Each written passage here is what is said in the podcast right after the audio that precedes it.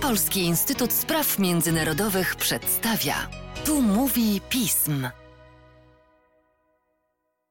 Dzień dobry, witam w kolejnym odcinku podcastu Polskiego Instytutu Spraw Międzynarodowych. Dziś porozmawiamy o Ukrainie wraz z Marią Piechowską, ekspertką do spraw Ukrainy Polskiego Instytutu Spraw Międzynarodowych. Cześć Marysiu. Cześć Maćku. Ja natomiast nazywam się Maciej Zaniewicz, a dziś wystąpię niejako w podwójnej roli w zastępstwie Łukasza Jasiny, który na szczęście niebawem powróci do naszych podcastów. Ale przechodząc już do naszego dzisiejszego tematu, skupimy się dziś na pandemii koronawirusa na Ukrainie, na temacie zapomnianym nie tylko w Polsce, ale w zasadzie na całym świecie, który, co zrozumiałe, skupił się na swoich wewnętrznych sprawach związanych z pandemią. Natomiast sądzę, jak wyniknie dziś z naszej dyskusji, pandemia i jej rozwój na Ukrainie ma też bezpośredni wpływ na nas, na Polskę, polityczny i ekonomiczny. Natomiast już przechodząc do tego, dlaczego skupiliśmy się na tym temacie, to ostatnio pojawiło się kilka sytuacji, które nas do tego skłoniły. Po pierwsze, Ukraina po długich wahaniach zdecydowała się na wprowadzenie bardziej ostrego lockdownu w styczniu przyszłego roku. Następnie wybuchły protesty, w ramach których również zaczęto budować miasteczko namiotowe na Majdanie w Kijowie, które zostało zdemontowane, doszło do starć z policją.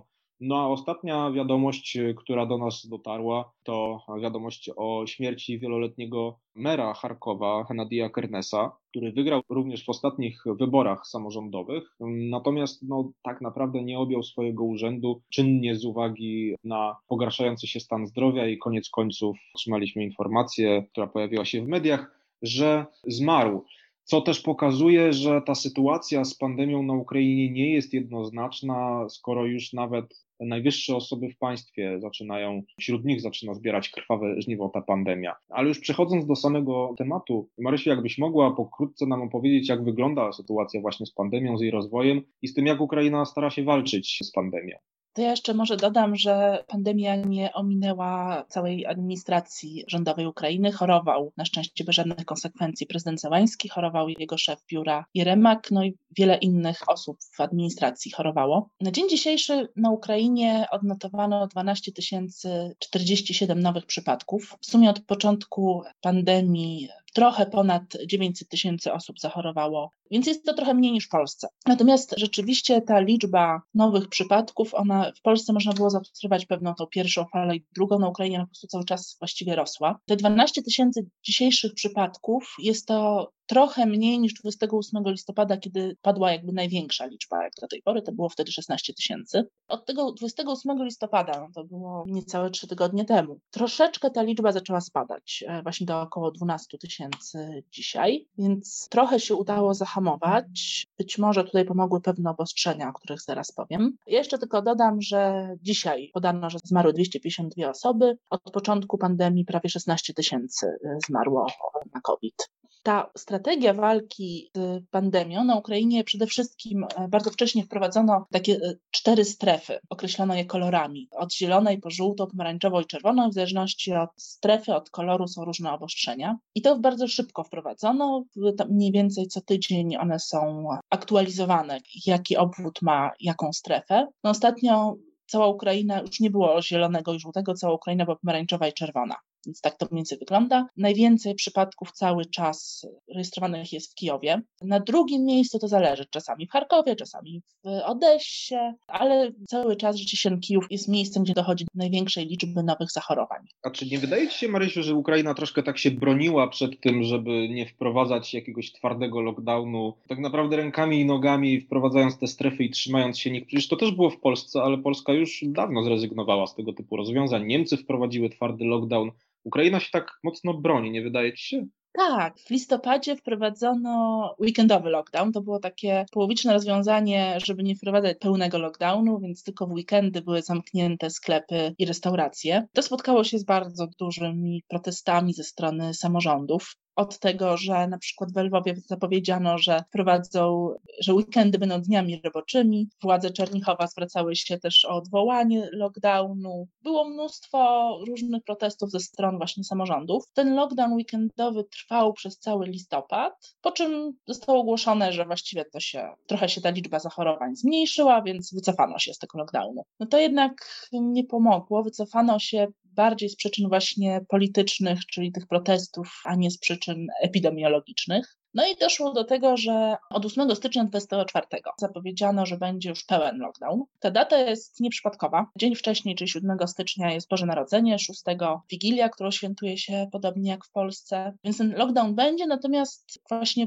dopiero po świętach. To też pewien jest taki ukłon w stronę ludzi, którzy po prostu, tak jak już mówiłeś, niezbyt chętnie przyjmują kolejne obostrzenia i protestują. Więc ten lockdown będzie od 8 dopiero stycznia, no i zamknięte będą restauracje, zamkniętą będzie większość sklepów, galerii handlowych, poza oczywiście e, miejscami, gdzie można kupić produkty spożywcze, higieniczne, apteki będą czynne. Zamknięte będą szkoły i uniwersytety, ale nie zamknięte będą przedszkola. Więc ten lockdown nie będzie tak mocny jak na samym początku, e, jak w marcu, ponieważ też nie, nie będzie ograniczony transport publiczny. To też jest ciekawe, jeżeli chodzi o te rozwiązania związane z lockdownem, dlatego że też dlatego dopytywałem.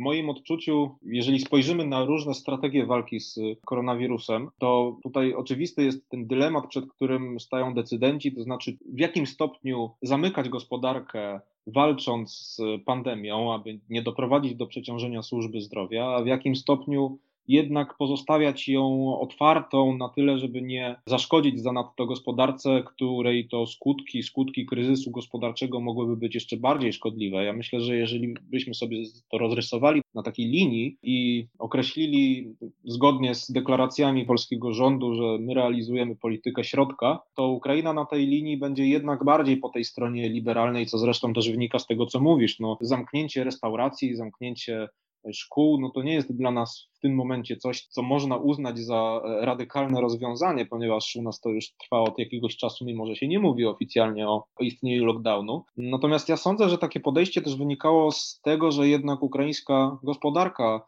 jest dużo bardziej delikatna od gospodarek państw Unii Europejskiej, w tym, w tym polskiej. Ukraina jest państwem, które dopiero co zaczęło wychodzić na ścieżkę wzrostu gospodarczego po kryzysie zapoczątkowanym przez wojnę z Federacją Rosyjską, wojnę w Donbasie, aneksję Krymu i tak naprawdę dopiero co zaczęła wychodzić z tego kryzysu i już wpadła w kolejny związany z koronawirusem. W tym roku spadek gospodarczy wyniesie około 5%, deficyt budżetowy około 6,5% PKB, choć te straszne obiektywnie liczby y, nie są tak straszne, gdy się je porówna do innych państw. To znaczy, choć w Polsce spadek gospodarczy będzie mniejszy, bo około 3,5% prawdopodobnie, to już w strefie euro około 8%. Natomiast y, znowu wracamy do tego kluczowego zagadnienia, to znaczy wrażliwości gospodarki. O ile takie państwa jak Niemcy czy Francja mogą sobie pozwolić na to, żeby mocniej zadłużyć się albo są w stanie potem, jest, jest, im łatwiej wyjść z kryzysu gospodarczego. Ukrainie jest dużo trudniej między innymi też pozyskać kapitał. Państwo, które dopiero co wyszło z kryzysu, które boryka się z problemem korupcji, ma problem w przyciąganiu inwestorów zagranicznych, którzy się obawiają tych, tych problemów i dopóki nie zwalczy tych problemów, to nie wejdzie na ścieżkę wzrostu, a oczekiwania są bardzo ambitne. Gdy spojrzymy na ostatnio przyjęty budżet, to zakłada on między innymi wzrost PKB w przyszłym roku o aż 4,6%, wzrost przychodów budżetowych o 9%. To bardzo dużo. Skąd te pieniądze? No założenie jest takie, że Ukraina uzyska kredyt od Międzynarodowego Funduszu Walutowego, który z kolei jest uzależniony od walki z korupcją i wprowadzenia odpowiednich reform liberalizujących gospodarkę. Z tym ma Ukraina olbrzymi problem i w tym roku nie otrzymała transzy kredytu od Międzynarodowego Funduszu Walutowego. Stąd olbrzymia krytyka tych założeń budżetowych na przyszły rok. Natomiast gdyby te wszystkie założenia zostały zrealizowane, a presja jest olbrzymia, to Ukraina musiałaby się w dosyć szybkim tempie przywrócić sprawne funkcjonowanie instytucji antykorupcyjnych. Tutaj do tego tematu odsyłam do biuletynu mojego autorstwa, który ostatnio się ukazał, oraz do, też do podcastu na ten temat, który jest na stronie pism. Musiałaby się uporać z korupcją, musiałaby zrealizować reformy i musiałaby przede wszystkim przyspieszyć tempo prywatyzacji na Ukrainie. To jest ciekawe zagadnienie, ponieważ rok do roku nie udaje się realizować tych planów prywatyzacyjnych. Natomiast gdyby to się udało, to jest to też dobra wiadomość dla inwestorów z zagranicy, w tym inwestorów z Polski, którzy są zainteresowani przede wszystkim ukraińskim rynkiem energetycznym, ponieważ gdyby udało się pchnąć do przodu reformy sądownictwa, udało się pchnąć do przodu walkę z korupcją i jeszcze pchnąć do przodu prywatyzację, to rzeczywiście Ukraina stałaby się coraz bardziej atrakcyjna pod kątem inwestycyjnym i mogłaby zrealizować te ambitne plany na no pytanie, czy, czy już na przyszły rok Mam olbrzymie obawy, że jest to bardzo ambitne założenie. I tu z kolei przechodzimy do kolejnego zagadnienia, o które chciałbym Cię spytać, to znaczy o szczepionkę, bo te wszystkie plany, te wszystkie znaki zapytania, które przed chwilą postawiłem, one stracą na znaczeniu, gdy okaże się, że Ukraina będzie musiała się borykać z trzecią i czwartą falą koronawirusa na wiosnę i na jesieni, a tak e, z pewnością będzie, jeżeli nie uda się wyszczepić odpowiedniej liczby obywateli. E, no a z tym chyba też są spore problemy na Ukrainie. Ministerstwo Ochrony Zdrowia szacuje, że w pierwszym rzędzie powinno zaszczepić się mniej więcej połowę ludności, około 21 milionów osób. No i wśród nich to są pracownicy ochrony zdrowia, osoby powyżej 60 roku życia, a także osoby pełniące służbę wojskową. No pamiętajmy, że na Ukrainie właściwie trwa cały czas wojna, więc zapewnienie bezpieczeństwa epidemiologicznego w armii jest bardzo istotne dla Ukrainy. Żeby zaszczepić 20, 21 milionów osób, potrzeba jest ponad 40 milionów dawek szczepionki. Ukraina ma problem z tym. Przystąpiła do programu COVAX. Celem COVAXu jest, żeby we wszystkich krajach, e, zwłaszcza tych najbiedniejszych, przynajmniej 20% populacji zostało zaszczepionych i program COVAX ma na celu dostarczenie tych szczepionek biedniejszym państwom. Ukraina w ramach tego programu ma dostać 8 milionów dawek, czyli szczepionki dla 4 milionów osób. Mm, to jest 10% populacji i dostanie za darmo. To jest istotne w kontekście dyskusji na temat budżetu przyszłego Ukrainy. Problem polega na tym, że ta szczepionka będzie dostarczona dopiero od końca marca. Pierwsze transze mają przyjść, więc tak naprawdę późno. No i przypominam, że to będzie tylko 8 milionów, które będzie w kolejnych transzach aż do końca lipca dostarczane. Ukraina poszukuje szczepionki, negocjuje z firmami bezpośrednio. Na razie brak szczegółów, natomiast tutaj znowu problemem będą pieniądze. Jak mówiłeś o tym budżecie na przyszły rok, to Ministerstwo Zdrowia zwróciło się przekazanie 15 miliardów hrywien na szczepienia, żeby zostało to zapewnione w budżecie państwa na 2021 rok, ale w budżecie zapisano jedynie 2,6 miliarda hrywien, czyli dużo za mało. Te pieniądze pewnie się jakoś znajdą, po prostu znaleźć się muszą. Natomiast tak czy inaczej Ukraina będzie miała problem ze znalezieniem tych szczepionek. Bogatsze państwa zabukowały duże pule szczepionek od tych najważniejszych, więc Ukraina tutaj będzie miała problem.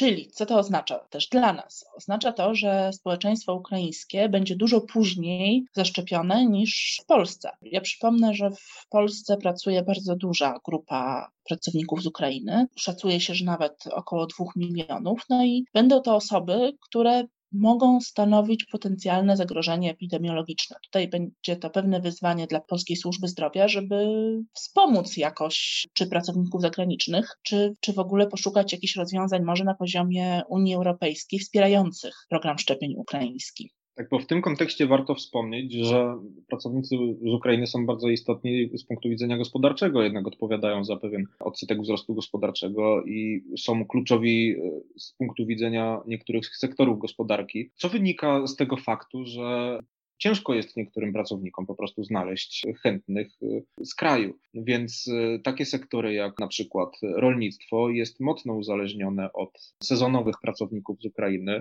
to jako oczywiście jeden wycinek, bo to jest temat na odrębny podcast. Natomiast, e, tak jak mówisz, to jest bardzo istotne też pod kątem znalezienia odpowiednich rozwiązań prawnych, bo może się okazać tak w przyszłym roku, że populacje, kraje, w których populacja nie została wyszczepiona na odpowiednim poziomie, będą miały problem z otwieraniem granic Unii Europejskiej, z przekraczaniem tych granic, plus jeszcze może nam dojść problem polegający właśnie na pojawieniu się kolejnej fali e, pandemii na Ukrainie, w przeciwieństwie na przykład do lepiej zaszczepionych populacji Unii Europejskiej, co będzie skutkowało znowu aktualizacją list krajów tak zwanych czerwonych i, i zamykaniem granic dla tych krajów, a więc to jest też realny problem, z którym może przyjść się nam zmagać.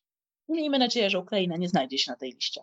Dokładnie. Miejmy no. nadzieję, że Ukraina się na tej liście nie znajdzie, natomiast no, sytuację trzeba monitorować. Dziękuję Ci, Marysiu, za tę rozmowę. Dziękuję Ci, Maćku. My będziemy na pewno na bieżąco też sprawdzać, śledzić sytuację z pandemią na Ukrainie i możliwe, że jeszcze do usłyszenia na ten temat za kilka miesięcy. Dziękuję, do usłyszenia i jak zawsze zapraszam do czytania naszych tekstów i słuchania podcastów Polskiego Instytutu Spraw Międzynarodowych.